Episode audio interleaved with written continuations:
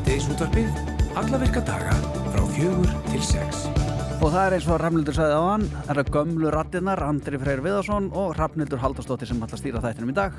Í vor var hægt að selja 95 oktan bensín blandað allt að 5% með etanóli. En í staðin var farið að einhliða að selja aðeins 95 oktan bensín með 10% etanólblöndun. Þetta við áttuðum okkur náttúrulega þessu. Já, veitum það. Já, og það er já, hérna, neytundur voru kannski ekki látnir alveg vita þessari breytingu. Og þetta getur verið, hvað ég var að segja skadalegt fyrir þá sem eiga eldri bíla Já. eða önnur tæki því að uh, þau For- þóla ekki vel þetta nýja nýju blöndu Nei, nei, Ford bíla, bílaklúburinn, hann var alveg brjálaðir hérna fyrir ekki lengur síðan. Já, Já. Uh, þeir eru að skrifa um þetta inn á FIB síðunni, Runur Ólásson, hann er frangatastjóri félags íslenskra bifræðanda. Hann ætlar að koma til okkur eftir, útskýra munin á þessu og segja okkur til dæmis að við erum, skerum okkur þarna úr með við Norðurlund og þjóðunar. Mhm. Þar er valið, úrvalið miklu meira heldur en hjá okkur. Já, ég man að einhver tíman, kannski er það til einhver staðar alveg pottjætt, um, það var til 99 Já, það var svona mynda Ferrari bíl á dælinni já, og það svona allan að minnvinahópur held í fram að maður færi hraðar snerpa maður meiri í bílnum sko. Já. en þetta er svona eins og með að þú byrjar á þunglinsliðum Já. þetta taka þau nokkra vikur. Þannig að þú þarf að fylla bílinn nokkur sinnum. Þetta er nokkur tankar, þá verður hann að taka við sig sko. Nú talar það reynslu. Já, ég er mikill reynslu, Já, mikill reynslu. En umsjónamönnum síðdeis og þessins blöskraði nýverið þegar það heyrðist eh, nýyrði, íslenskt nýyrði innan gæsalappa í auðlýsingu og uh, já, við nexlum svo mikið. Að það eina í stöðunni var að hafa samband við málfarsráðanveit Rúf, hana önnu Sigriði Tránsdóttir sem ætlar að koma til okkur eftir og setja syndóm á orðið sem við ætlum að uppljóstra hvað er hérna setna í þættinum. Og þið hlustundur uh, eru kvött til þess á meðan við býðum eftir önnu að senda okkur svona eitthvað ef eitthvað fer jafn mikið fyrir brjóstið og ykkur okkur Já, hérna, sem þetta ég er komið í auglýsingu en það ekki dalti vel í lagt. Mamma, mamma Já. Og hérna, sendi okkur bara á uh, í gegnum fjersbókarsýður ása 2 eða stu.ruf.is Já, svo er það þáttaröðin með okkar augum, hefur göngu sín í kvöld og þetta er 13. Það þáttaröðin. er rosalegt og mér fannst það að vera í gær sem við tókum fyrsta Já. viðtalið um þetta Já. og þetta eru þetta margvenlaði þæ, verðlaunaðir þátt, þættir og það er alltaf að koma til okkar Steinun Ása og Elín Sveinstóttir sem er framlegandi þáttana Já. og segja okkur aðeins að bara hvert upplegið er í þessari röð Einmitt. Og úr sjómarbi yfir í tónlist því að Svapni Sigursson, hann skoist óvand inn í uh, tónlistasennuna þegar að platan hans Lofvörð um nýjan dag kom út uh, árið 2016 og nú er þriðja platan hans Svapnis að koma út og hún heitir Aska og Gull og uh, við ætlum að spjalla hans við hann Svapni um uh, ferlinn og líka aðeins að byggja hann uh, svona, veit því af hverju við þurfum að býða svona svakalega lengi eftir að fá plötur frá hann því að þær eru mjög fínar og uh, var hann ekki líka að vinna innan leikhús? Jú, hann er að vinna í þjóðleikúsinu Já, ég er með nokkar spurningar varðandi það líka Er það? Já. En líka bara, þú veist, var það hugrekki sem kom þarna þegar hann var uh, hérna? Já. Mhm, já. Já, við spyrjum hann. Já, Nú, en við ætlum að byrja á Íslandsmeistara eh, í hrút, hrútadómum Mm. og það er hann Gunnar Stengriðsson sem er, er á eh, stóra holti í fljótum, hann er semst núverandi Íslandsmeistari og lítur að vera að undirbúa sér vel fyrir mótið sem að fer fram í Söðfjórsetrunu í Sævangi, Sævangi á Ströndum og eh, Gunnar er á línni, hvað þú sætla að blessaði Gunnar? Já, selvördu. Er þetta rétt hjá okkur? Er þetta að undirbúa þig? Ég blessa verðum að múið alltaf pæli þessu, sko. já, þannig að þú ætlar að taka þátt að drjá ár Já, ég stefnir nú að það reyna að verja titilin sjá til, sko. Já, hvort með texta, hvort með texta, það er svo, verður að koma í ljós, sko. Já. En hvaða, Já. sko, kannski þú útskýrða fyrir okkur hérna sem hér sittum og hlustundum síðtilsótasins uh, út á hvað gengur þetta? Er er verið að dæma ykkur sem dómara eða hva, um hvað er á að tala hérna? Nei, ekki beint fannilega, sko. Þetta gengur, það er búið að tekna þarna fjóri hrútar sem við þátt einhvern veginn að stiga og það er búið að dæma þá af ráðanauti og hann er búin að gefa hverjum og einum stig að, eftir sinni visku sko. Svo snýst þetta um að við komumst sem keppum um hennan titil að koma sér næst hérna, ráðanautnum í stigagjöfin við, við hverjum hrút sko og raðaðum svo í réttri röð frá, frá einum og, og nýri fjóra sko. Mm. Já, Og er þetta stór... Sá, Að, fyrir ekki sá sem kemst næst eh, dóma eh, ráðanautnum, hann, hann fær þess að nabbút sko. Já, já, já. og er þetta stór hópur fólk sem að stundar hrúta dóma? Já, sko, þetta var nú hvað, þetta var í annarskipti sem ég tók nú þátt í sem þannig fyrra, sko. Það var, já, ég allavega í fyrra og hann fyrra skipti sem ég hafi gert þetta. Það var þó nokkuð á fólki sem kom hann að þetta, en nú, ég lít nú þetta sem nú aðalega svona gert til gamas og að gera svona breyta svona um, til svona í sveitónum, sko. Já, en Gunnar, ert þú með stórt bú? bú? Þú býr þarna hvað? Stóra holt í fljótum? Já, ég var, var með bú, sko, nú er ég, bara á ég búið fyrir tveim árum, sko. Já, en þú kannt ennþá til verka? Já, þetta blundar eitthvað ennþá í manni, sko. Já, er þetta ekki eins og að læra hjóla bara? Maður gleymir því ekkert. Já, það, þetta, þetta er eitthvað svolítið svo, þetta er náttúrulega, hann vottur að sérvisku í þessu líka, sko. Já, en sér... Það var, það var smá sérvisku í þessu, sko. Já, já, hún er náttúrulega skemmtilegust líka, en, en sérð þú eitthvað tíman ungt fólk sem þú, já, hugsa með þér, þess, já, nú þetta er að mestar í hrútadómi eitthvað tíman? Ég segi það ekki maður sjá, en það, sumir hafa bara áhuga á þessu og hérna, og bara pæli í þessu. Þá náttúrulega, og það var gaman að þessu, ég það var hérna í fyrra, það var ungur stráku sem var, sem var í, í öðru sæti, hann var nú ekki nefnað eitthvað, þetta er við sá yngsti sem hefur komst á palli þessari keppni, að mm. það eru til svona einstaklingi sem hafa gaman að þessu og, og, og taka þátt, sko. Já, en fegstu byggar eða medalju í fyrra? Þetta er svona farandgripur sem er veittur hverju mann. Þetta er, þetta er minningum hérna Brynni Jólfur hann Sæmusson sem var hér að ráðnit þarna á strandu. Já, já. Þannig að þú voru að taka farandbyggari með þér og taka svo bara aftur náður ef þú vinnur.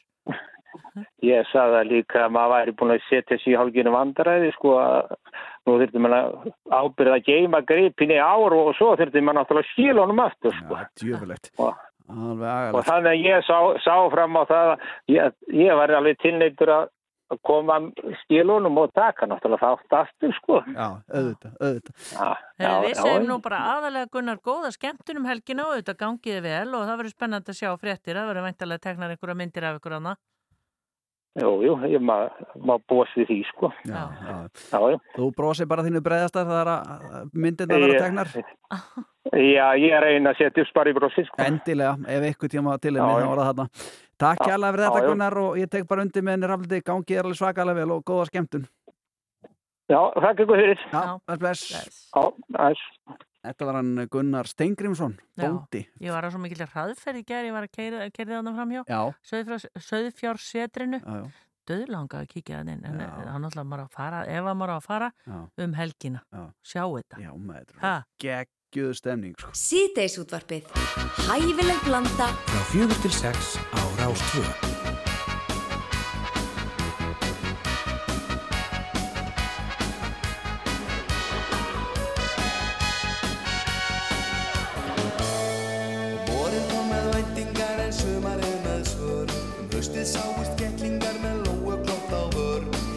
Rástvöðu. og stóð mig ekki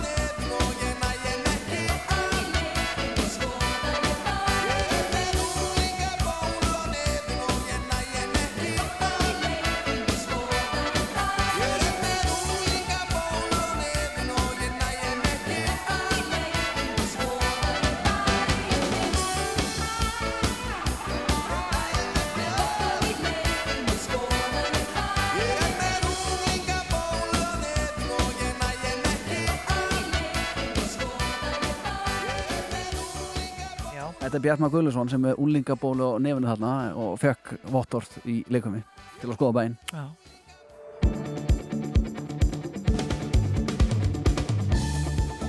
Andri, ég var að spyrja það á hann þegar þú tekur bensín á bíliðin, Mm, að ég mm. veit þú ert ekki komin á rafmagnið, ekki en þá. Nei, Uh, þá kaupir þú alltaf 95. Þú ert 95. bara fastur í því. að beint í dælu sem stendur á 95, það er líka gott ár, Já. 1995. Já, já. En áttaðir þú þig á því að það, sem þetta í vor var hægt að- hérna selja 95 sem var með 5% etanóli og það er búið, að- það er búið að bæta, nú er farið að selja 95 sem er með 10% etanóli. Ég fann það bara á axlinum. Það? Það var, nei, ég hafði ekki hugmynd um þetta fyrir hún Nei. sagði mér þetta. sko. Ekki hugmynd. Já, en það var sagt neytundu voru einhvern veginn ekki hérna varaði við eða látni vita eh, hérna fyrir bara núna fyrir nokkrum viku síðan. Hann er komin yngað Runarur Ólafsson sem frangatur félags íslenskra bifræðanda. Uh, þetta hefur kannski komið sér svolítið illa fyrir uh, þá sem er aðeins eldri bíla, ekki satt? Jú, það er, það er talað um að bílar eftir 2010 þeir þólið þetta í flest, lang, lang flestum tilvikum. Mjög marg, mörg aukutæki eldri líka en, en fólk þarf að kynna sér það og það getur til dæmis leita uppsinga inn á heimasíðu félagsýstikna bifræðanda um hvaða bílar eru þarna taldir vara saman svo líka bara til öryggis að ringja í viðkomandi umboð en þetta getur haft áhrif ekki bara á eldri bíla líka ímis eldri tæki mótorhjól, skellinöður fjórhjól, vélsliða utanbórsmótora, hvað er þetta?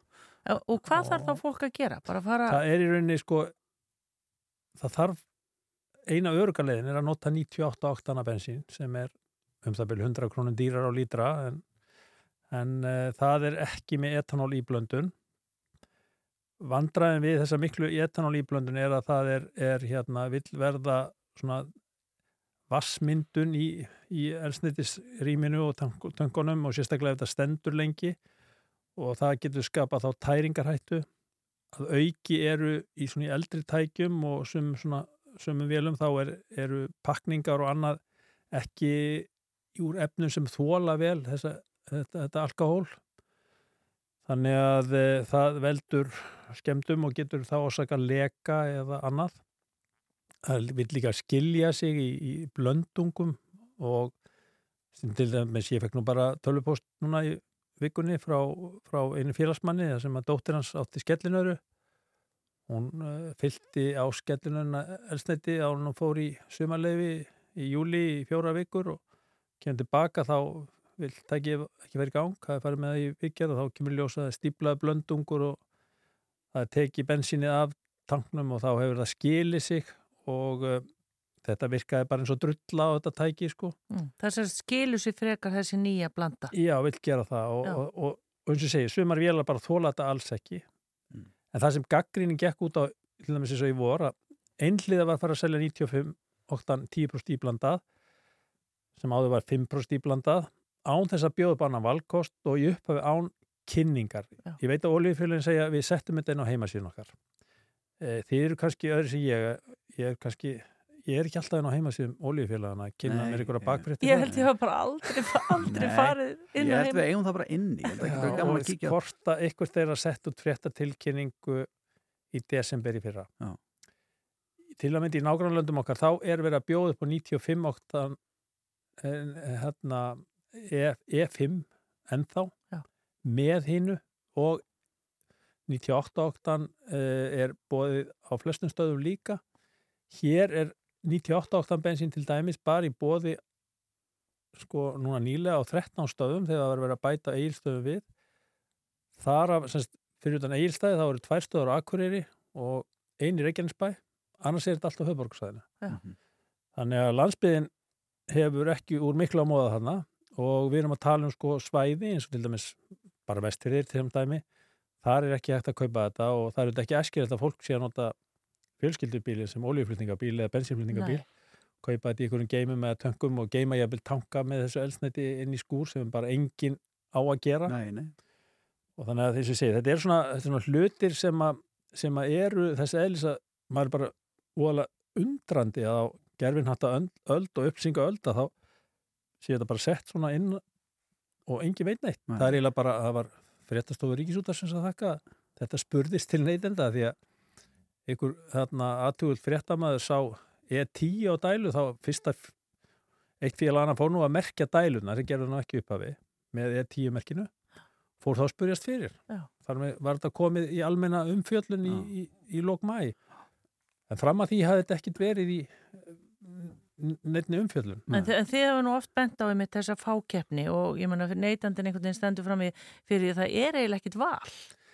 Nei og þetta er elsneiti kemur í einu ólíuskipi frá sama byrkja í Norri, Ekunor, Gamla Statoil og þaðan tyggja öll ólíufyririnn á Íslandi sitt elsneiti. E, það var orðin svo lítil sala í 98 áttana bensinni þannig að félagin voru hægt að taka það inn í skipsförmum og það var bara tekið inn sem gámar og er tekið inn ennþá bara sem gámar, gámaflutningar. Og hérna það er víst ástæðan fyrir því að það, þetta er miklu dýrara.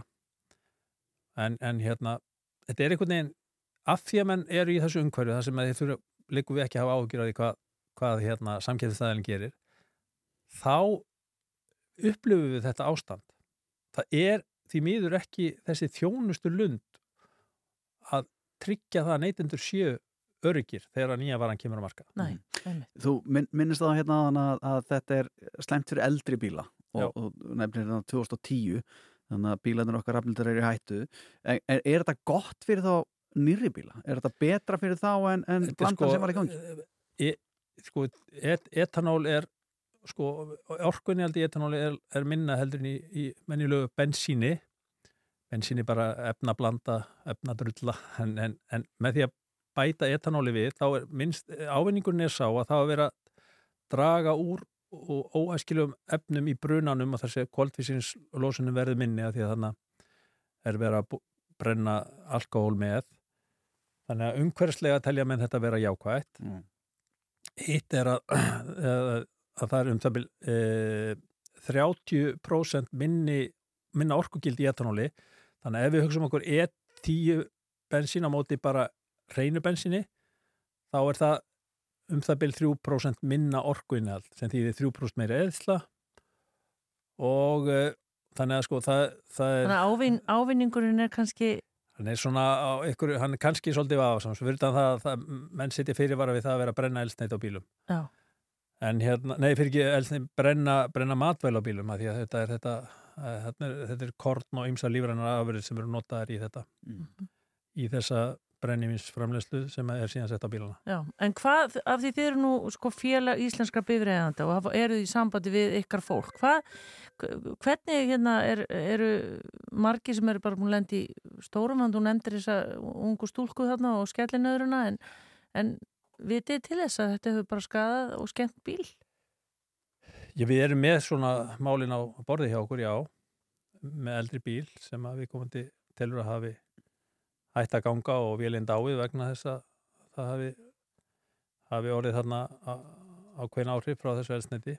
Það er ekki full kannað, ég tekka fram, en það er hætta til staðar og uh, sem betur fyrir þannig að til þess fyrir þá sem eiga fordbíla, ef þeir eru meðvitaður um þetta, þá er þetta minni hætta. Það er kannski engin hætta ef þú notar þetta en en fyllir svo upp með til dæmis 98 áttuna bensinni. Já, Það eru komin ykkur íblöndurefni sem að draga úr óæskiljum eiginlengum en það er, í rauninni ég bara var í dag að tala við til dæmis fulltrúa forbílaklúsins og þeir segja það er ekkert sem tryggir það að þetta sé í lægi þó að notur þessi efni. Það dregur úr möguleikonum sérstaklega bílar sem að standa lengi er í geimslu, eins og margir fordbílar eru oft í geimslu bara allan veturinn.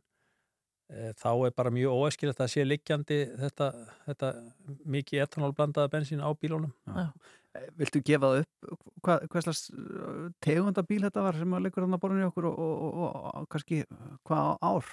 hvað árgerð. Já, Þetta er, þetta er 25 ára gamalt bíl og hann er á japanskri tegund og það er það eina sem þið fáið. já. og þetta honda á, ekki, ekki þetta honda En, en sem sagt, bara svo við tökum þetta saman, þá þeir sem eru sem sagt á vestfjörun, þetta er bara meira átt að mál fyrir þá. Það er bara að hafa ekki aðgang að þessu elsneti Mm. og ég sko í, undir eðlilegum kringustæðum þá myndu ykkur, ykkur ofnbæra aðalar setja þá kröfu á aðilar sem hafa hérna, heimil til sölu og elsneti að það væri eitthvað frambóð í hennu dreifðari byggðum þetta er bara hluta byggðastefnum til dæmis einmitt. Mhm. og öryggismál fyrir samfélagið að því að þetta getur haft í för með sér hættu. Við hugsaum ykkur bara lítinn bát með utanbórsmótor, það verður vélarvana út af miðjum fyrði. Já. Þannig að þetta þarf bara að vera í lægi og menn þurfa að vera með vittnesku og geta gripi til þeirra rástafana. Og svona breytingar þurfa bara langan aðdraðanda og, Já, og þetta þarf kynningu langa, í nágrannlöndum okkar, allstaðar var þetta kynnt með löngum fyrirvara. En það var ekki bara eins og hendi verið veifað skellt inn á markaðan og meirsi að þetta komið á alla dælustöðar meira og minna án þess að það væri búið að merkja eða tíu, án þess að það væri búið að upplýsa umfram það að þetta stóð sumstaðar í einhverjum baksíðum og heimasíðum félagana. Já. Það er kannski hérna í frá að vera það kannski mestlestu síðuna sem að, sem að ver, fólk verður að nálgast á netinu. Já, já, og markaður fyrir það allana. En sko, 99 oktana bensín, mannst þetta því? Nei, Nei. ég var ná bensinstöð sko. Já, var, var það ekki til eða? Nei, það var 98 Já, það er ennþá til. Já, En 99 var það aldrei til. Með þú svona komast Ferrari... í eitthvað flugvila bensin Nei, ég get svara. Var bara eitthvað sem setti límið á bensinstæðlega hjá mér. Stóð 99. Já, sko, það geti, það er eitthvað eitt að það er eh, Svona Ferrari miði. eh, Nú sem að þú varst með, já, hvers konar bíl verður það? Ég var á Ferrari sjálfur. já, ég byrð hlustundur með aðstákur með þetta. Raunulega mann ekki eftir þessu. Ég mann eftir þessu. Er það? Já. Hvað er þetta síðan? Var, Kringum 2000. já, Ég var raunólu mann það ekki. Nei, þá er það er eitthvað ekki að að. marka, ég er nú svo gammalt Nei, nei, já, og ég villur sann að þetta er bara haldulega En, en hvert verður, sko, ok, við verðum náttúrulega öll komin á rámaspíla eftir ykkur, ykkur ár. En ég meina, hvernig kemur þetta til með að þróast núna? Þessar 13 stöðvar sem selja núna 98, verður þær bara, verður hægt að selja það eftir 5 ár? Í, sko, það má alveg, alveg spúast við því þá er þetta bara eitthvað svona sérvara sem fólk þurfa að panta eða nálgast þá hérna á breyttu geti ég séð fyrir mér að það væri eitthvað svo lis en, en, en auðvitað er þetta þú getur ekki sagt bara við fólk að bara hætta að nota þessi tæki, keftu þið nýtt. Já, Mm. það er ekki mikil umhverfisvendi því. Nei, Nei, nei. þannig að ég bara ég set þetta líka út til dæmis við erum hérna með eitthvað sem heitir neytendastofa sem á að tryggja það að upplýsingar sé til staðar fyrir neytendur. Eh, við erum eitthvað, með eitthvað sem heitir umhverfistofnun við erum með eitthvað sem heitir húsnæðs- og mannverkjastofnun sem er eftir með bruna, vörnum og slíku Þess, þessar stofnanir veist allar hafa verið í sumafríi síðan í mæ Mhm. Þetta er áhugavert. Takk kjærlega fyrir kominninga í sítið útvarpið Runálul Ólafsson frangatastjóri FIB og ég hveit ykkur til að fara bara inn á síðuna þeirra. Það eru alveg heljarinn að greina um þetta mál. Takk fyrir komuna. Takk, takk Fyrst og fremst Þetta er Rástvö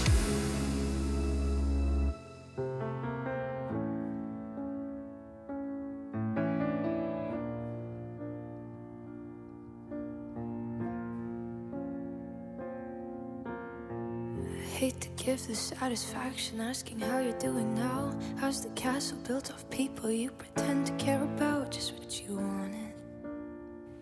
Look at you, cool guy, you got it. I see the parties and diamonds. Sometimes when I close my eyes, six months of torture you sold to some forbidden paradise. I loved you truly. You gotta laugh at the stupidity. Cause I've made some real big mistakes, but you make the worst one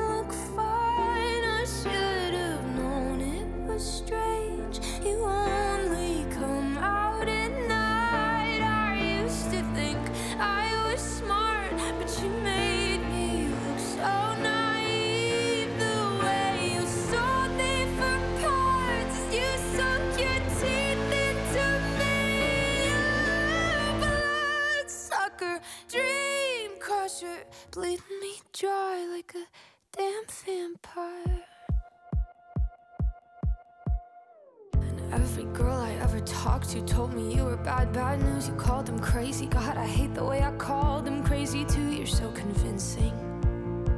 How do you lie without flinching? Ooh, what a mesmerizing, paralyzing, tragic little thrill. Can't figure out just how you do it, and God knows your age know better. I've made some real big mistakes, but you make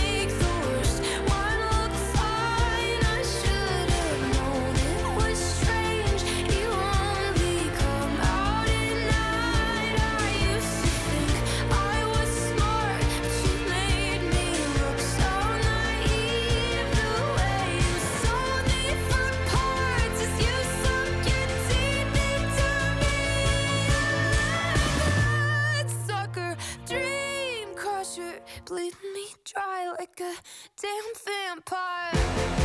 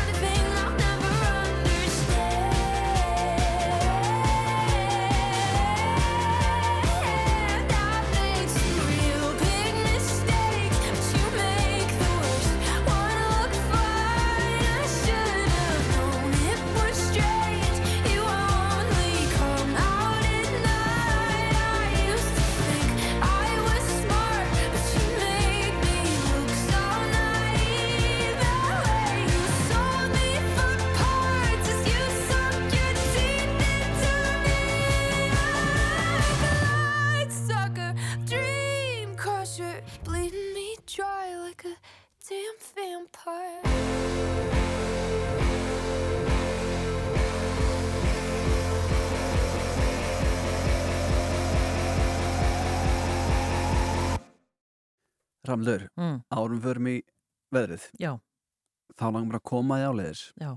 um, og þetta er hlustendum síðan svo þessi að þakka vorum að tala með raun og hérna á hann Mhm. og um bensín Já. mástu, uh, 95, 98 vorum aðeins 98 Bullaðist þú svo með 99? Já, já, kom ég með hérna, upplýsingar og fróðleik um uh, 99 óttana sko, sem að gefur bílnum aukinn kraft svo sendir Þórólur mér hérna sem er hlustandi uh, hann segir, var þetta ekki 99 óttana V-Power frá sjálf? Ég er nú aldeilis hrættinu það Þannig að Þannig að ah, það ert ekki fegin. maður er ekki bara falleitt andlit Nei, það ert ekki. Veðurhorfur næsta sólaringin. Já, svona, veist En Runólfur, hann alltaf getur ekki heldur vita allt. Nei, vi, hann var heldur ekki það. kannski var hann ekkert að vinna það sjálf Nei, nei, en hann, hérna, þetta er alltaf að koma reynd, þetta var til. Runalur er meira svona ólísmaður Já, þú, þið var ekki að dreyma. Nei. En já, já, það er veður, hérna, veður horfurnar. Uh, það er söðlag áttalandinu uh, eða breytileg 3-10 metrar á sekundu, það er skíða mest og daldi væta og til, bjart með köflum fyrir austan. Já, já, það er best að verði þar. Söðaustan og austan 5-13 á morgun með rigningu eða súlt, einhver vestanlands, en þurft að kalla norðaustan til og viða verður 12 til 20 stig að hiti að deginum og það verður hlýjast á norðausturlandi. Og svo er þeir eitthvað að segja hér á menningarnótt sem verður núna um helgina Já, í Reykjavík að það bara spái blúsandi blíðu. frábært, Hmm. frábært. Þannig að svo framlega er ekki slagur og rigning, þá erum við glöð. Yeah. En e, það er nú eitt og annað sem hefur gengið á þessum degi e, og það er nú nokkur líka ammælisbönnin hérna. Já, Já, já, já. E, Það er nú gaman að minnast á það að Madonna, söngvaran hún fæðast þessum degi árið 1958 og svo er það Andris Ingi Jónsson, stjórnmálamæður Pírati, hann á ammæli dag e, fæðist árið 1979 svo er það vinkon okkar e, í sportinu, Kristjana Arnarsdóttir. Hún er líka ammæli, já, já, er 33 ára gammali dag. Einmitt. Ja. og svo er það nú uh, Internet Explorer sem á ammali í dag kemur uh, já, hvað maður að segja fæðist að þessum degi Vafri Microsoft Internet Explorer uh, Já. kom út uh, 1995 á þessum degi Og hann er bara hundlegilu við mig í dag. Já, ég veit það, að þetta, þetta smittar út frá sér. Já, þetta, það gerir það sko en svo er það líka póstur og sími meira svona tæknitegnt póstur og sími sem að hétt þá póstur og sími eh, heitir dag ekki neitt, eða bara pósturinn Pósturinn. já, já, eh, hófur ekstur á fyrsta GSM farsímakerfi landsins á þessum degi árið 94 Já, já. merkilegu dagur. stór merkiluð það Við ætlum að eh, slá á þráðin til Tenerife hérna rétt á eftir og við ætlum að heyra í Sigvalda Kaldalóns því að ástandi þar virðist ekki verið neitt svakalega gott. Nei, við fjöllum einmitt um Kanaríar í gær Já, já. og uh, nú er bara verið að rýma hérna svæði á Tenerife Já. og hérna þetta er ekki nú góða fréttir. Nei, Þetta er okkar staður hérna, Íslendinga. já, já, akkurat, Já. akkurat. Eh, Við að heyra í eh, Sigvalda hérna rétt eftir uh, þessu lagi með Rat og Chili Peppers, þetta er lagi Road Trippin'. Road tripping with my two favorite allies. Fully loaded, we got snacks and supplies. Time to leave this town, it's time to steal away. Let's go get lost anywhere in the USA. Let's go get lost, let's go get lost. Blue, you sit so pretty west of the one. Sparkle light with yellow icing, just a mirror for the sun. Just a mirror for the sun. Just a mirror for the sun. These smiling eyes are just a mirror for. So much has come before those battle lost and won. This life is shining more forever in the sun. Now let us check our heads and let us check the surf. Staying high and tries more trouble than it's worth in the sun. Just a mirror for the sun. Just a mirror for the sun.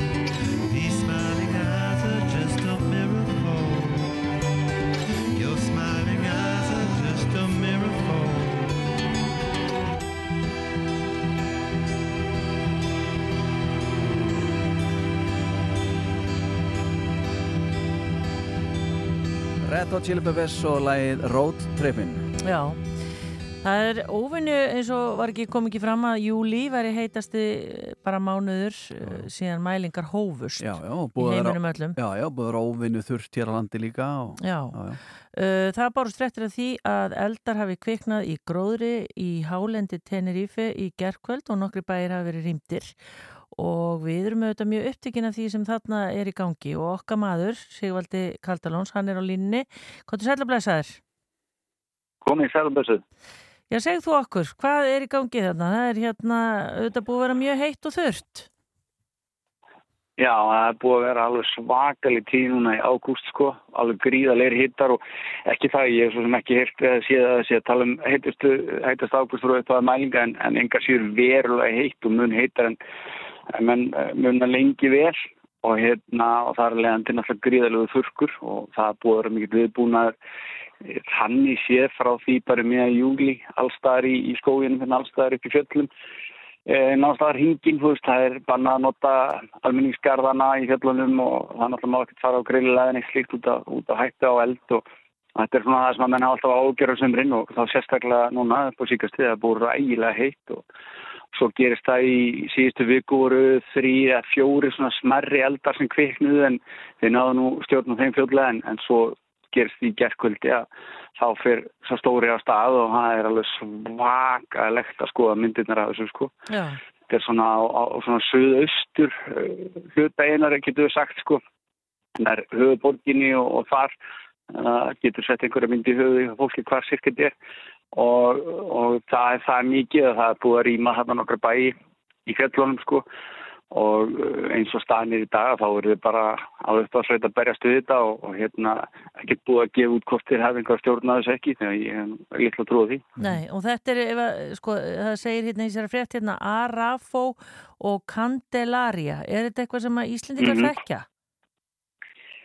Já, já, Candelaria, það er alltaf stoppustöðar hjá okkur í ringverðinu sem við förum alltaf í, sem er einmitt söðustan megin og- á eiginu og það er rosalegt að það er búið að vera hér svona heilu hátíð, pílagríma hátíð sem er hérna alltaf á þessum tíma. Það er verið að, heiðra verðin Candelaria og, og mikil hátíðhöld þar, þannig að þetta setur uh, ónefnilega mikil skugga á þau hátíðhöld sko. En eins og ég sagði, þá er þetta eitthvað sem að ég er svona innan gæðsaletta menn geta búist við þegar það er svona svakalegur þurrskur sko. Já. Eh, Eftir hálftíma svali þá ert þú að fara að leggja í hann með hóp að fólki í stjörnuskoðun er, er það eitthvað, þú veist, það þú eitthvað svona endur skoða það, fara nýja leið eða er þetta kannski ekki mikið á þínu svæði eða nálægt? Já, við erum það, þannig sé það langt frá þessu sko að, að hérna, það á ekki að hafa neina áhrif en, en við yfirleitt eru fyrir minn sem stjórnarskoðun og þá erum við að fara upp í þjóðgarinn og sem stendur er, er opið þar upp eins og er búið ekki út en þeir eru ólingið og tól, það getur vel verið að þeir lóki bara núna í kvöld þannig að fólk sé ekki að þvæla þannig upp í, í rökkurinn til þess að sjá eldglæðingarnar sko þannig að við erum að sjá hvort það er en þá bara breytum það aðeins út af leiðinni og, og við erum með plan B Já. ef að það er Er upplýsingagjöf, þannig búið að vera auðvitað mikið í fréttum eh, hörmungar frá Hawaii, það er náttúrulega bara ekki þetta ímynda sér hvað það er í gangi, en hvernig er svona upplýsingagjöf? Er, er, er öllum haldið vel upplýstum á þarna Tenerife og þessum í kring? Mm, Já, þú veist, mér finnst það ekki, sko, vegna þess að, þú veist, þeir eru alveg með svona, eh, svona, hvað ég var að segja, þjóðar öryggis SMS möguleika, sko, eins og þegar lockdownin byrjaði, sko, þá fengur allir SMS og allt það, en það hefur ekkert verið í þessu tilfelli, en það breytir því ekki að, að þetta er gríðarlega alvarlegt og, og það þarf ekki mikið að, að breytast, skilur, ef að vindáttin eða kvessir eða eitthvað, þá getur mjög starri hluti eiginar verið í mikilvæg hættu af því að það er gríðarlegt skólendi þarna. Mm. Þetta eru þurru skóar sem eru þannig frá og það er bara svakalegur eldsmatur. Þannig að hérna, vissulega eru er svona lört í gangi en, en þetta er ekki svona eins og þegar þú veit, þegar að kræla á elgófsi heima þá einhvern veginn er allir meðvitaðir. Það er ekki alveg nær, kannski ekki alveg þangað í, í túristabiðina sko. Hvort Nei. að það sé viljandi eða ekki, ég ekki. Ég er að horfa einn á viðspána, það er allavega engin rigning í þessu korti sem ég er með hérna, en það er ekki, það er, 20, Nei. það er svona 25 steg að hitti en engin rigning. Já, það er sko sem betur fyrir aðeins að laga sko, það búið að vera hérna bara 35 og yfir í tvær vikur sennilega og þetta á að lagast vera svona mildara 27-8 til kannski 32 en það sem að menni er náttúrulega að býða eftir að, að það er að hérna að kæmi kannski smá rigning, það var einhver svona smá von en hún er alveg þar undir glöðan sko. Sá þá, sem það þær spár rættust ekki. Nei. Sigvaldi Kaldalóns, uh, takk fyrir að upplýsa okkur og, og uh, gangið vel með uh, hópin í stjórnarskoðun og við vonum að, að þjóðgarinn haldi stópin. Já, algjörlega, klárlega og bara hún að fara ekki ítla. Já. Já, við fylgjumst með, takk fyrir spjallið og bestu kvæður. Það, það var lítið. Já, bless. Hér er komað að flott, hún ógnaði mér.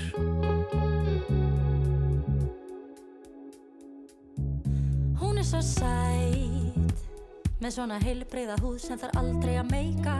Hún er bóttið heimsk Eða með frekar slappan persónuleika. Og hún er svo klár Alltaf langkæst og svo vakant og einbeitt. Það er eitthvað að Því félagslífið er þá varla neitt neitt.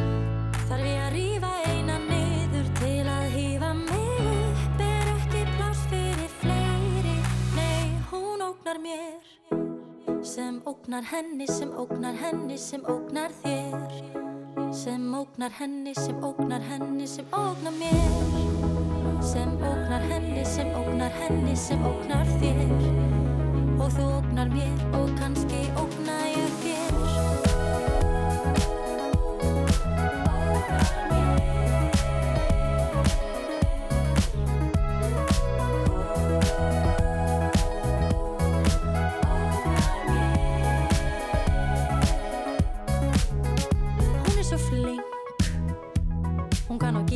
frasa sem strákarnir fíla.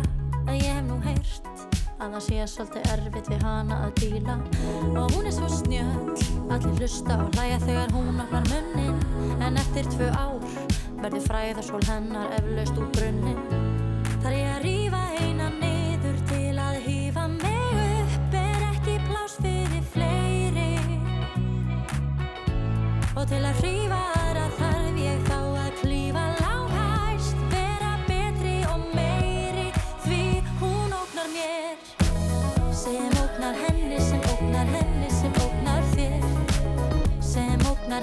sem ógnar henni, sem ógnar mér.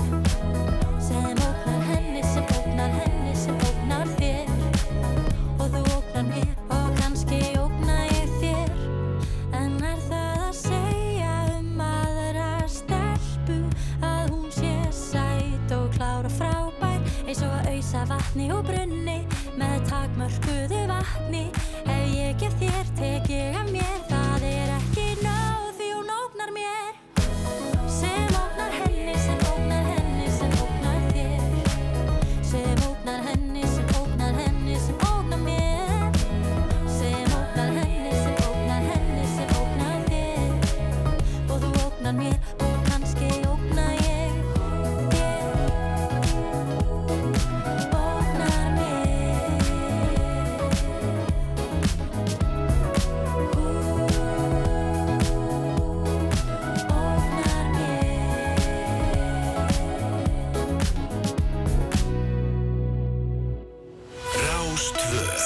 Síðdeisútvarpið á Rástvö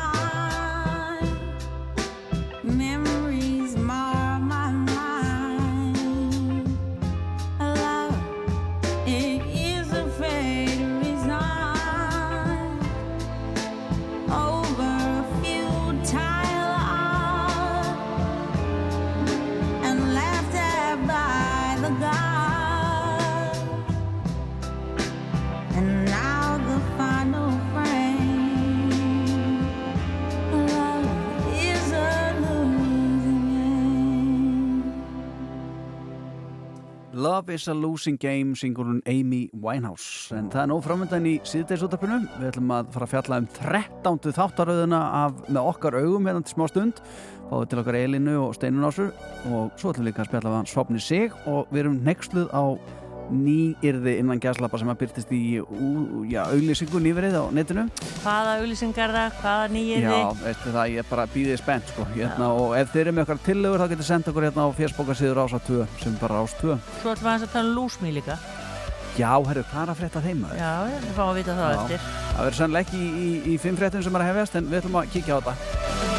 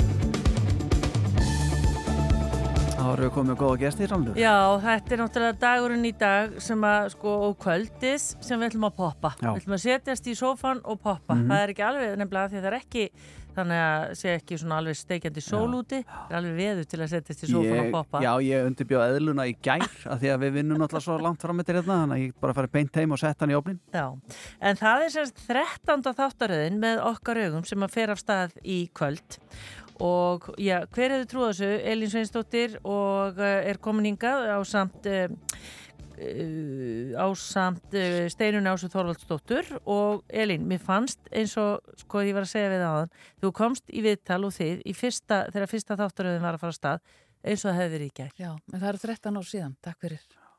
Þetta er lýlegt. Þetta er lýlegt og hver hefði trúið, ekki trúið ég því. Við fórum á stað með fyrstu þáttaröðin og, og rendum algjörlega blind í hvernig, hvernig viðtökurnar eruðu og hvernig það færi og svo kom önnur þáttaröðin og svo þriðja og komnar 13, takk fyrir og hópurinn aldrei verið öflugur en núna. Magna, þannig að ef að með okkar augum væri manneskja, þá væri hún að hugsa um fermingun á næsta ári. Akkurat, já, já, hana nú, sko. Já, já. Steinun ás að bjóst þú við því að- vera hérna í 13 ár í- með þætti? Mm, já, já. Já. Það er bara ekki þennan sem heitir. Það þarf að reyka þetta áfram. Já, já, þetta. Ekki getur við verið, þú veist, ekki hægt að gera þetta á þess að við sem erum kempurna kunnum þetta. Já, já, einmitt. Og viljið meira. Og viljið meira. Já, já. Er alltaf Steinun nóg af efnum að fjallum? Aldrei Alveg leið- fullt af. Við erum svo hópurinn, við erum náttúrulega eins og sískin bara. Við erum alltaf mikið saman og erum bestu vinnin líka, þannig að við erum mjög ólíka eins og við erum mörg. Já, en hvernig farið þið svona af stað eh, inn í þessar þáttaræðir? Hvernig setjist þið bara niður öllur hópurum með bláða blíjant og... Mm, já, svona við reynum að skrifa þetta upp eftir einhverju formati, eða ekki? Jú, við erum svona að hugsa líka allan veturinn Já. og erum alveg að senda hvort öðru svona hugmyndir af Já. því sem við getum gert um sumarið. Já. Við, erum, við tökum alltaf upp í mæ og júni Já. og hérna, svo setjumst við niður í, í apríl og berum saman bækur okkar hvað okkur langar að gera, hvort við viljum gera einhverja breytingar eða eitthvað og, og hérna, svo röðum við bara inn í það, þetta er svona skapalón sem við röðum inn í og, og hérna, alveg nóg að taka, Já. nóg að taka. Ég meina, mér sýnist þið vera með hugan við þetta alla stundir því ég bara hérna rétt á hann, þá var ein hugmynd að fæðast og þið virtist að sammála um það bara hérna næst þá bara hendum við í þetta og þá bara rétt á hann hvert Já. Og svo bara gerum við það. Já, svo bara gerum við það. Við bara framkvæmum. Já, Já. já. eins vel og við getum. Já, Hvað hérna þetta, og þau hafi stundum sko tekið út einhverja fasta liði, Já, já, kannski já. aftur inn. Já. Við, svo, já, við höfum verið bara að prófa okkur áform og stundum fær maður svona tilfinningu fyrir að það sé komið nógu í bíli svo, og, og, sle, og, sle, og, og tekur hann út en svo saknar maður hans aftur og svona Já.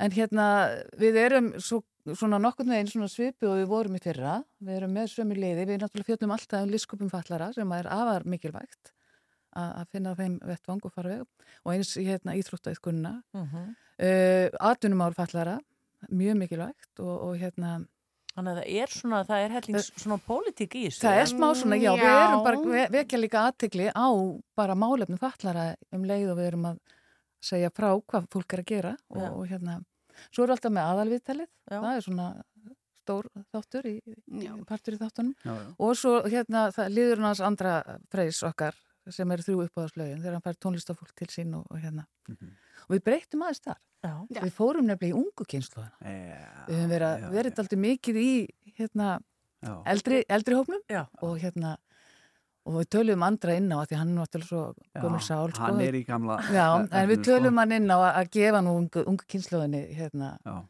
Tækifæri og geti ég reyna allar að ríða á það í kvöld. Það, er ekki ekki, en sko, svo er það líka svona ímsi svona uh, sérþættir eða eitthvað sem að Mm. koma út frá þessum þættir, það sem að þið farið til dæmis bara á olimpíuleika Einmitt, og annars já, líkt. fórum við mitt í sumar. Já, já. heimsleika fallara Já, já, og þá þarf að velja úr. Hver Já, fer í það, hvernig sko Steinun, eh, bara eh, þegar þú ert til dæmis ekki valinn, Mm. er það bara allt í læg? Það, er bara, mm, það er svo eðlilegt og það er svo skinsamlegt að geta vel annað líka því að þú veist, ég fór árið ég fyrir mörgum árum síðan til Abu 2009, Dhabi 2019. Já, já. sem var náttúrulega algjör upplifin fyrir Mhm. mig Já. þannig ég myndi ekki segja nei Nei, nei, nei. eða í, þú veist, ég myndi auðvitað segja já, leiði honum að fara. Já. já, þú veist, það er bara ekki tendamál fyrir mig. Þetta er Já, og við verðum líka að að hugsa hvernig, hvernig sko, þau passa inn í, inn í formati hjá okkur og hvernig við erum aðeins að hafa lefi til þess að, að hérna. finna svona styrkleikana hjá já, hverju já, einu. já. Mhm. en hvað hérna þessi þáttaröðu núna? Mm. er hún eitthvað svona, þú segir nefnir svona eitthvað frábröðin eða Nei, í rauninni hún er mjög svipum hún var í fyrra það bara náttúrulega ný og frábær og æðislega efnistök. Það er nóg að taka og, og hérna við erum mjög hrifin af landin okkar og, og erum svona að, að benda á og, og kyn, benda á og kynnast líka bara alls konar perlum um allt land og, og hérna í þættinum í kvöld fyrir við til dæmis og í þrínúka ekki wow. sem er alltaf sem var bara rosalegt sko. æðislegt, Já. bara æðislegt að fara bara upplifun Já. og við fórum á, hérna, fórum að hernámsettir í honum Gauja litla í Kvalfyrði fórum inn í Káranhjókavirkjun sem Já. var bara risa dæmi sko Já. Ekkert óðukomandi Nei, margt. ekki, sko. Þáttaröðun er marg verðlunu þau eru búin að Mm. vekja aðtegli bara út um allan heim Já, og. Steina, þú ert náttúrulega búin að sko, þú ert náttúrulega bara, myndur ekki segja þeir eru bara aldrei fræg á Íslandi hefur þetta ekkit stíð ykkur til höfus? Stundi finnst mér nóg um Já, Það er alveg þannig Já. og ég reyna að láta eins og vindum eiri þjóta þegar mér finnst þér að nóg já En, En- er ekki fólk yfirleitt svona gott eða hvernig svona? það kemur alveg fyrir að maður sé alveg bara tekin bakari sko. Nó, Það en samt taka, okkur, taka flestur okkur eiginlega allir, Allir bara 99% vel. Já, taka okkur mjög Já. vel og eru mjög vingjallir var allir til í að koma í viðtöl við okkur Mhm. Já, já.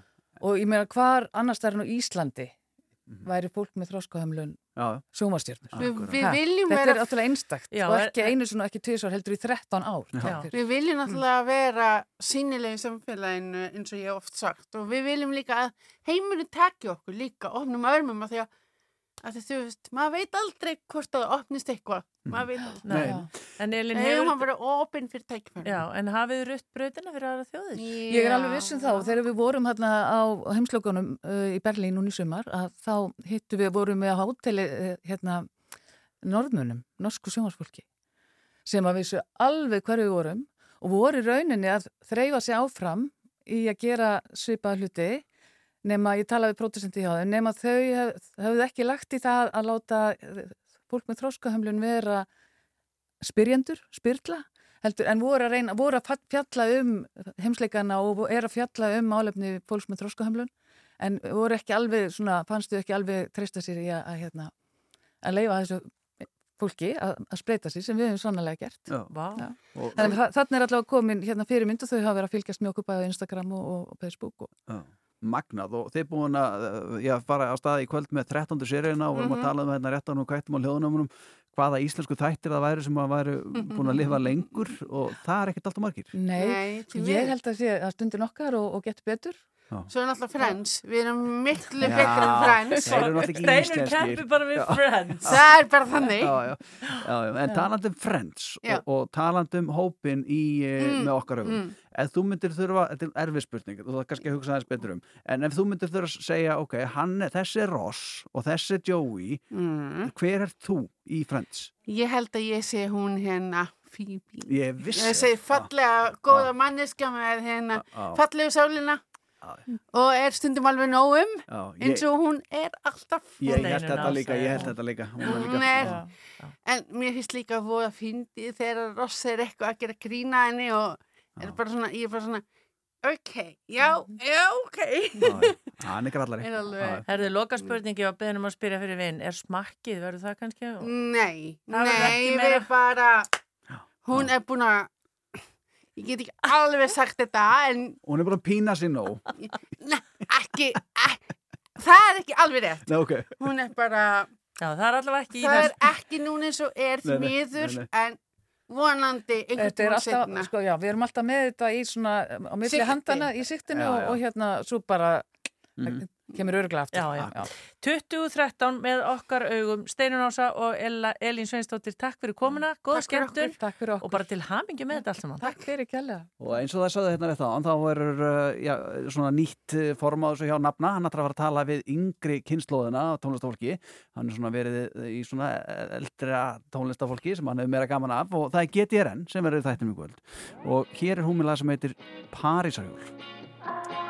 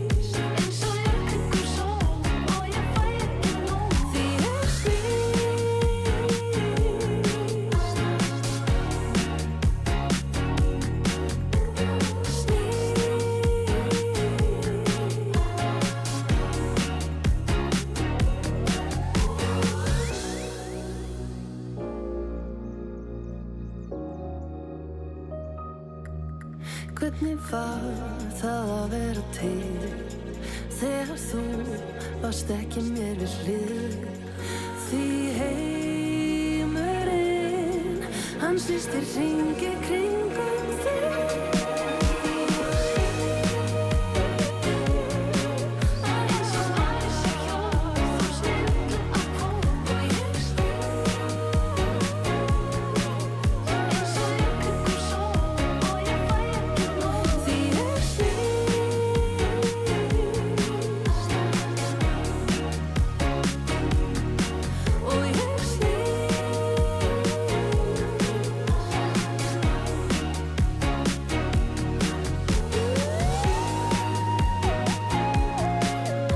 Fyrir þættinu þá vorum við að fjalla um bensín. 95 oktana 98 nýjar ethanolblöndur og ég veit ekki hvað og hvað og Raunar Ólásson kom eitthvað til okkar og segja okkur annan frá þessu öllu saman. Og uh, þá fór ég að gaspra hérna um uh, 99 oktana. Mm. uh, Raunar myndi nú ekki alveg eftir því en, en hlustundum myndi eftir því. Og senda okkur hérna skilabóð bara í kvelli að það var sannlega til á sjálfstöðunum uh, 99 oktana V-Power Já. Hvað heldur þú hafa gerst bara rétt í þessu? Ég veit ekki. Nú var hlustandi að senda hérna skilabóða Ég held að það var fórstjóri sjálf. Nei, Nei, það var ekki. Já. hann, hann, nei. Um, hann var að segja það á bílasölunni á Raka Bjarna Hm. þá var þetta að fá 100 oktana Þetta hættir ekki. 100? Hæ? Hvað finnst þér um þetta? Já, þetta er, hefur alla verið umhverfisvæn. Já, nei, nei, nei, Nei, nei, nei, nei, nei, nei, nei. bara neitræði mér langaði bara að koma að sáleis Já, þú ert bara að láta vita, Andri minn, þú ert ekki svona vitlega Nei, sem svo nei. lítur út fyrir já, Nei, nei, já Rástvö Síðdegis útvarpi fyrir ykkur frá fjögur til sex á Rástfö. I wish we could have came to some solution. Through all the conflict, find a resolution. But now we're sitting in this empty room and you're pushing me aside.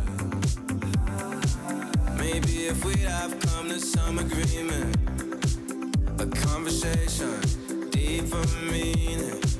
But now it's like you're leaving me for dead. We're finally out of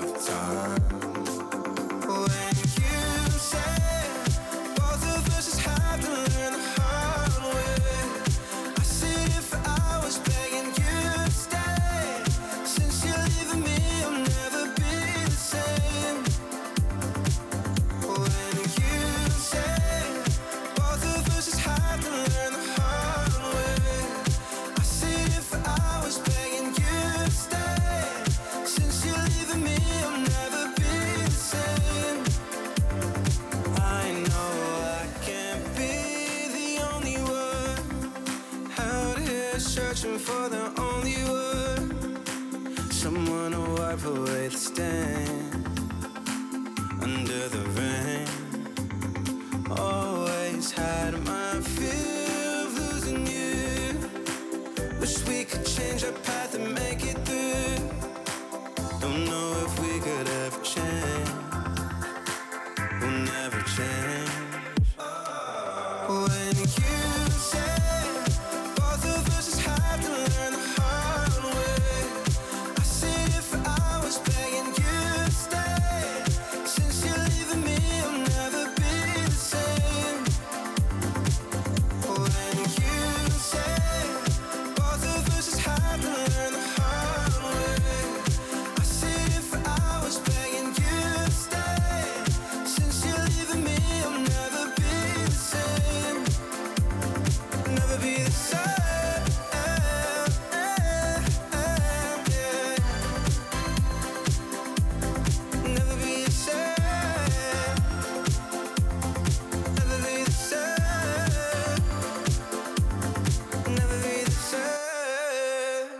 Anna Sigriður Þráhansdóttir er mætt til okkar málfars ráðanautur Rúf því að oft hefur nú verið þörf en nú en öðursinn því að uh, daskar gera fólki sýtið svo það sinns löskræði nýverið þegar það rakst á auðlýsingu á uh, alnetinu og uh, þar uh, sko ég man ekki eins og uh, mér blöskaði, ég man ekki eins og hvað var alveg auðlýsa sko, nexlaður sko. Já, þú varst bara upptekinn af þessu já, orði. já, og þar var sagt haldið ykkur nú fast og ef þið eru að keira stað, þeir sem er að lösta, leggja í bílum endilega, gefum okkur smá stund. Ok, uh, allir bílakonur í kant, það var hei, hér er lífshakk fyrir þig. Og þarna er að tala um eitthvað sem er kallað lifehack og uh, ég veit til þess að Anna Sigurður er líka nexlaðsvu, sælbless og velkomin. Já, sæl, takk fyrir. Reið, hún er reið. Alveg, fjúkandi. Já, já. þá spyr maður þú er nú málfarsráðnötur má bara henda hverju sem er úti í já, auðlýsingaflæðið það Já, það er góð spurning. Uh, Ég held að við hugsaum okkur nú stundum allavega um hér, hérna, auðlýsingadeildin hér þar að segja, þegar áður en, áður en allt er látið vaða Svona ímislega, það verður hvert að verður ímsuðu samt. Já, já. En þetta við nú bara ekki séð, svo ég fór að fletta þessu upp á netinu já. og ég fann svona fá einar fæslur um þetta. Þetta verður einhver hlaðarpstáttur, snýrist um þetta einhver tíman og einhver Instagram síða var með einhver, einhver svona lífshökk. lífshökk? Ég held að þetta var bara kjöttakk. Já, já, en svo er nefnilega hérna, svo, það sem kom mér mest ávart, það voru einhver svona 6500 hérna, dæmi sem komu upp á Google og, og þau verðast öll vera velfýðingar þar sem voru verið að tala um lífshakk Er það? Það er mjög, sko, þetta var allt einhverjar erlendar síður sko þýttar á íslensku. Já, já, og þarna kannski er eitthvað, eitthvað fyrirtæki sem hefur bara tekið eitthvað texta og látið snúna með Já, þetta er svona, þetta er svona kallað beinar þýðingar eða töku þýðingar, það er að taka orð bara og taka þau beint, en sko hakk mm -hmm. Uh, það er líka reyndar að tala um hakkara já, já, já, já. en hvað eru þeir að gera? Þeir eru alltaf að skemma eitthvað. Akkurat, vondir Þeir eru vondir. Já, já, en, en lífshökk innan gæslappa eiga ára góð. Já, en hvað er verið að hakka lífið? Nei, nei, það viljum við ekki, það viljum við alls ekki. Og við vorum með að fjalla um svona uh, life hacks ef maður fara að sletta í uh, með með vikunar hérna fyrir mm -hmm. einhverjum vikum síðan. Og þá vorum við að velta þessu fyrir okkur.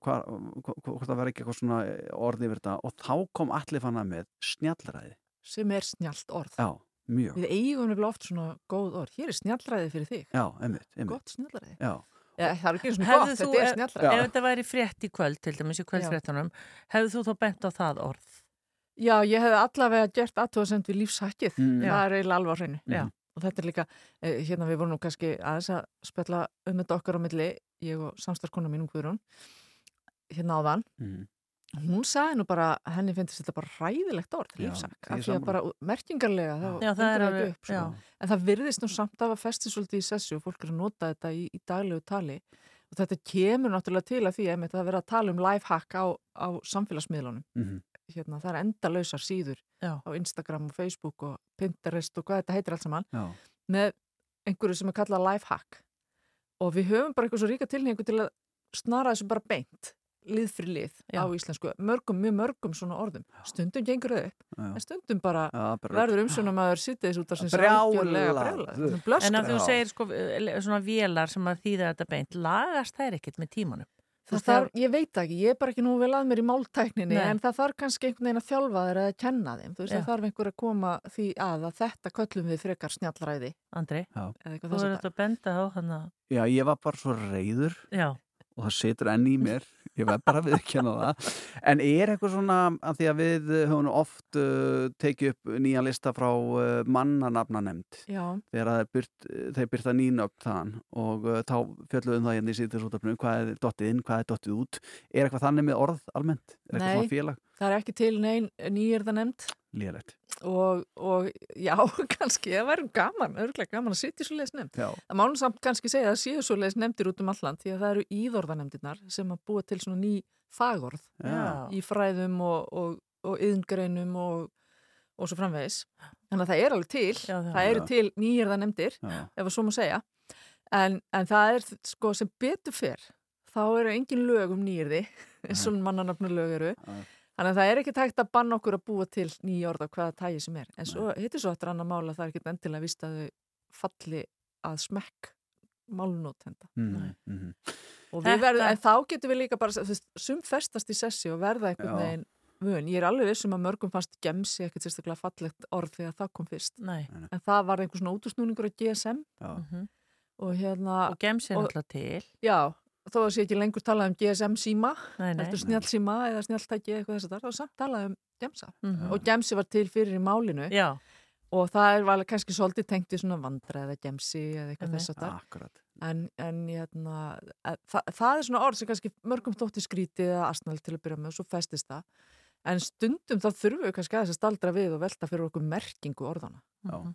Er ekki sammála því? Akkurat, það er bara akkurat. svona hvað er ég að segja með því að kalla þetta lífshag? Nei, mitt, bara rugl. Þú veist það fyrir bara einhvern veginn búið að taka heilan í manni bara þvæla. Eh, gaman skulle vera að minnast á Gemsa því að við vorum að tala með þetta raflundir á, á þessum degi árið 94 þá var að póstur og síma sem að hóf rekstur á fyrsta GSM farsímakæri landsins. Það er ekkert annað. Þetta fann ég á mér. hérna Þetta hjá fann ég á mér, það er engar tilvíljanir Nei, nei, nei, bara tengingar. Eh, Anna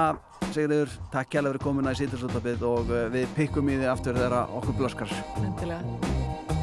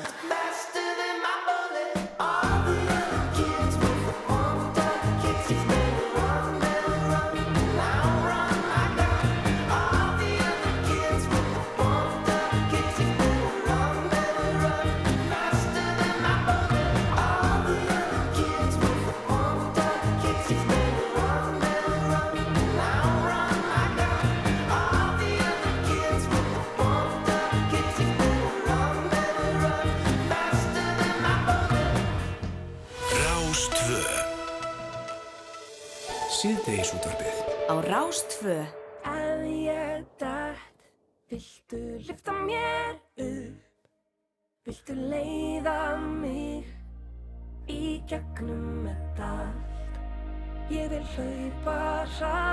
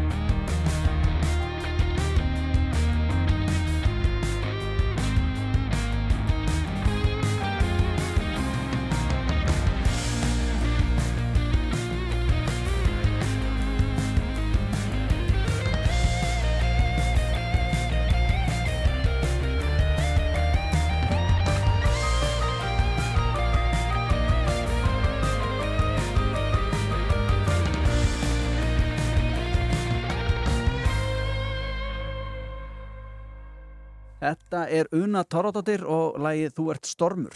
Já, og hún er nú sannkvæmlega stormur hún unna, hún Já. er hérna sendir frá sér hver, hvern smellina fætur öðrum. Já, hún er bara að verða eina af aðal. Hún er að verða eina af aðal, Mm. en e, það kom til okkar maður sem að, já, ég var að segja hann hefur bara kannski alltaf gengið með þann draum í maðunum að verða aðal Já, já. og kannski er hann orðið það. Kannski. Hann er ofta allavega sleið í gegn Já, og er að senda frá sér sína þriðju plötu, hann heitir Svapni Sigurðarsson má ekki segja Svapnir að þú hafi svona skoti stofandinn á tónlistasinn hérna þegar þú sendir frá þér lovorðum nýjan dag árið 2016 þú varst auðvitað þekktur svolítið í svona græsrótinni, kannski Ég kópóinum og svona Sko, ég var ekki aðal þá. Nei, nei. Alls ekki og ég held ég sé ekki eins og orðin aðal í dag sko. Nei.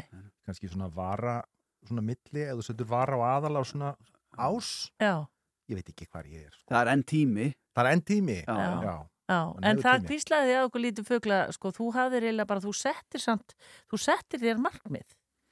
Já, ég gerði það. Ég gaf út fyrstu plötuna mína 2016 og áramótin 2015-16 þá tilkynnti ég þetta hátilega við hérna kvöldvuraborði þegar dóttir mér spurði hafið þið ætlaði að strengja einhver áramóta heit ég sagði já, ég ætla að gera, ég ætla að semja tónlist á heila plötu, ég ætla að stofna hljósett og taka hann upp og gefa hann út og ég stóð við það, hún kom út 16. desember svona ekki mjög góður tími til að gefa út plötu svona í, í markaslegum hérna, En þú stóðst við þitt? Ég stóð við mitt. Já. og síðan þá hef ég gefið út sem sagt uh, aðra plötu sem heitir uh, Jæja gott fólk, kom út 2020 og svo núna þessa, Já. númer þrjú. En býtu var hérna átturu lög eða bara byrjaður bara? Sko, fyrsta platan var til á þessu einu ári, þá stóð ég, þá var þetta svona halgjöru gjörningur, sko, að reyna að klára þetta bara á einu ári, ég er búin að vera í hljómsveitum áður sem að, sko, Guði blessi það en mér fannst allt taka svo langan tíma það var, einhver komst ekki og þessi gæti ekki verið hérna á 50 dögum og, og einhver var í, í að æfa hérna sangvamisnans á lögatum, það, var, það er alltaf eitthvað sem að kemur í veg fyrir einhvern veginn að sapna saman fjórum-fimm önnum með bara verður erfiðar og erfiðar með hverju árunu Mhm. sem er eldist, ég þekki þetta Já, já. þó þessi svona já. en þarna bara tók ég ákvörðin ok, ég ætla bara að gera þetta sjálfur bara, uh, þá fæ ég bara ráðallega og get ég bara stýrt hraðanum á þessu sjálfur sko. Já, og hvað þýðir það að gera allt sjálfur? já, þá bara semur maður lögin og Já. maður semur takstana og, og svo tekur maður upp síman og ringir í gott fólk og segir hérna, ertu nokkuð til að koma og vinna ólaunaða inni vinnu með mér í smá tíma Já. og hérna, það hafa bara allir sagt já í því það er nú eiginlega það fallega sem hefur svona einhvern veginn ég hef lært á þessu ferðalagi um að kalla það sem svo Já. hvað allir eru tilbúnir að vera með í að búa til nýja tónlist Mhm.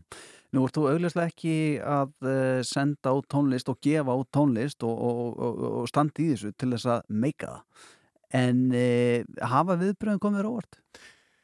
Sko ég vissi náttúrulega ekkit hverju ég ætti að búast við og e þetta var eiginlega bara fyrsta uh, svona, hvað maður að segja uh, það sem að rak mitt þess að gera þetta var bara eiginlega það að gera þetta sko.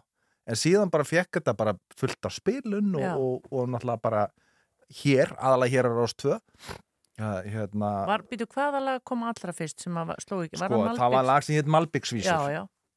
Sem fjallaði, sem var svona, sem ég kallaði það svona glussa, Malbyggs glussadrami sönnsaga e, ég laug aðeins til um árin og svona til þess að hjálpa rýminu sko. Já. þetta var 86 en ég sagði 91 og, og það hitti einhver tótt sko. Og þá var ég bjóði til alveg frábæra hljómsveit sem að Tómas heitinn Tómasson bassarleikari stöðmanna og þurrsarloksins var í með mér Pálmi Sigurhjartason og Kristján Freyr sem er nú farin að tala hér í mikrofón með ykkur Já, já. og Eðvar Lárusson gítarleikari á Skaganum. Og þeir gerðu þessa plötu með mér sem að hérna, hún var svolítið svona hljómsveitaplata. Og svo stokkaði ég svona aðeins upp og fekk aðra steppi mag og, og hérna fleiri sem komu með mér í næstu plötu. En ennþá þessi líka áhöfn með sko. Já. og uh, bara alveg ótrúlega gaman að geta gert þetta með svona mikið góðu fólki Já, sko. svo ég verði nú pínu væmin Já, mátt alveg. Ekki tár á Þú- hvarmi. Það Já. er líka tár hér. Það er rými fyrir alla tilfinningar. Já, já. En hvað með eins og með Tomma, Tom, basleikara, Já. uh, sem er nú einn af ástsætli sinnum tónlistar hér á Íslandi og komið ansi viða við á mörgum plötum og útgáfum og, og guðum og þetta hvað. E, hefur þetta verið svona eitt af það síðasta sem hann tók upp? Já, það hafi ekki verið með því Já. Þetta er 2016 Já Einmitt. Og svo spiluðum við þarna aðeins í einhver kannski 1-2 ára eftir ég, Nú renna árin svo saman hjá manni sko Það kom hann að COVID og það rugglaði allt. Já, já, já En uh, ég held að hann hefði kvart okkur hvaðna hvað 2019 Mm. uh, ef ég mann rétt 18 Já. Þannig að hérna, já, það var bara mikil gæfa Já. að fá að kynnast Tomma. Ég kynntist hún reynda fyrir talsveit mörgum ára síðan, þá tók hann upp hljómsveit sem hétt Kól sem ég var í Já. í 1994 Einmitt. og síðan. gaman að kynast var- 2018 fyrir Tómas. Já, Já. En, en Svafni, hvernig fylgir maður svo, svo eftir? Ég meina, hvað er eru það að spila? Ég meina, hvað, og hvað ertu Ég, sko, náttúrulega er ég sjálf sem bara nýbúin að sleppa beislinu af þessari Já. hún kom á föstu daginn Já. og ég, nú er bara mitt eh, hérna, sumafrí á enda og ég er farin að reyna að snúa hjólunum á samt fleira góðu fólki í mínu svona daglunastarfi í þjóðleikusinu Já.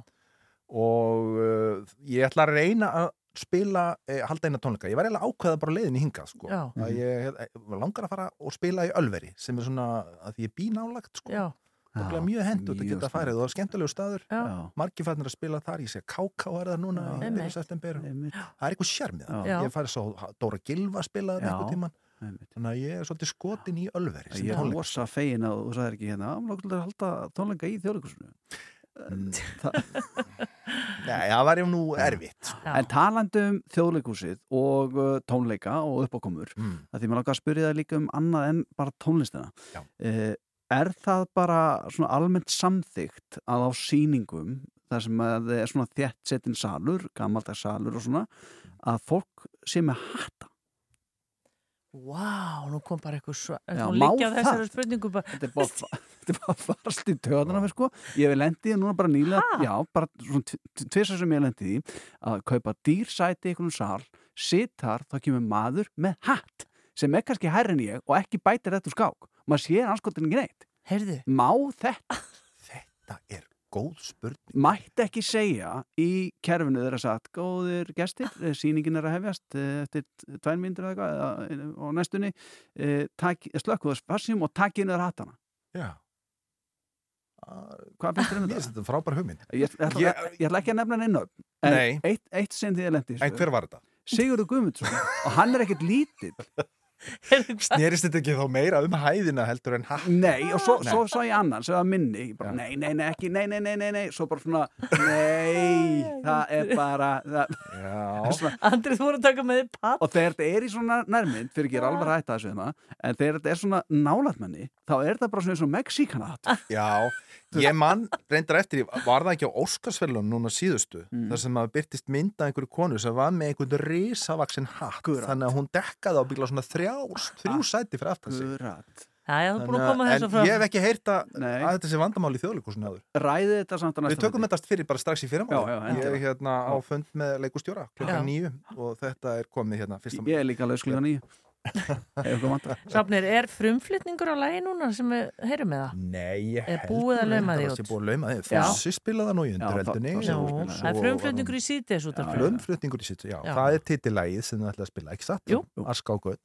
Þetta er lag sem ég samdi í minningu æskuvina mín sem að fór svona aðra leið en, en uh, fólk flest fer Já. Það, og hérna fíknin er sterk og, og það sem sumir sjá ösku, þar sjá aðri gull og textin titillin kom svolítið til mér fyrst og svo uh, fylgdi ég svolítið út í þetta lag og ég fann það einhvern veginn svona tókaði í mig að reyna að gera þessu einhver skil. Þannig að það tengja kannski einhverju við þetta. Einmitt. Heyrum þetta hér, Svapnir Sigurðarsson til hamingi með nýju plötuna þeina Gangið vel og það eru spennandi að heyra bæði frá þér og líka stóra hattamálunu Já. Stóra hattamáli, við skulum fylgja, á ég að koma eftir viku Já, já, já, og tökum stöðun á því aftur. Og svo lætur okkur vita hvernig þú heldur tónleikana í alveri Takk fyrir að fá mig í heimsókn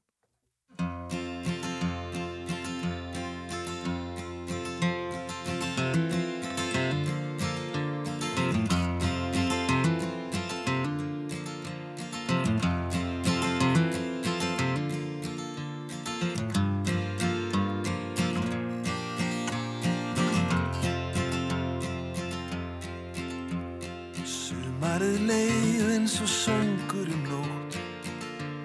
Það var varla hafið, það lauk því abskjótt Við vorum strákar en við létum sem menn.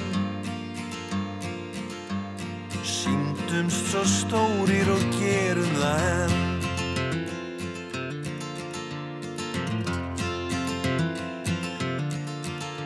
Þú sagðir frá mörgu og sumt það var satt. Ljósið þitt skein en login brann hratt. Auður sem liftruðu lengdar dómsfull. Því þú þekktir bæði ösku og gull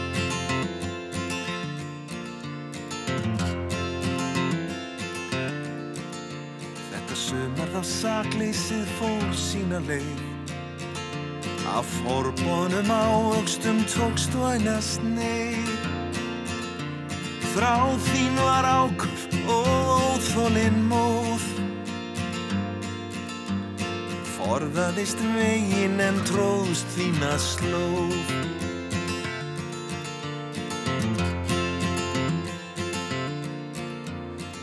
Flögst nálagt sólinni dag eftir dag. Og við aðra ég brenda þú lagðir þitt lag. Því hálftóma flaskan er líka hálfull Þar sem við sáum ösku, þar sást þú gull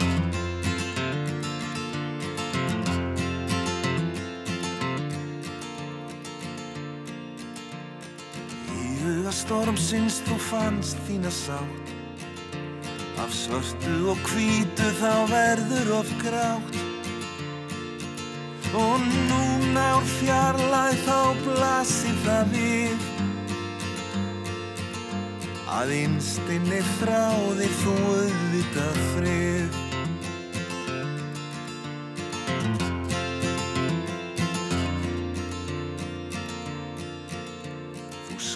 skaraðir fram úr, þú sigraðir flest. En jafnvel skærasta ljósi að deyr fyrir rest.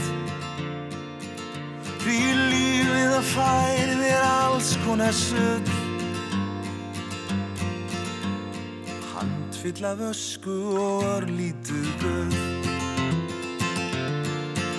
Já, lífið að færi þér alls konar sull Handfill af ösku og örlítið gull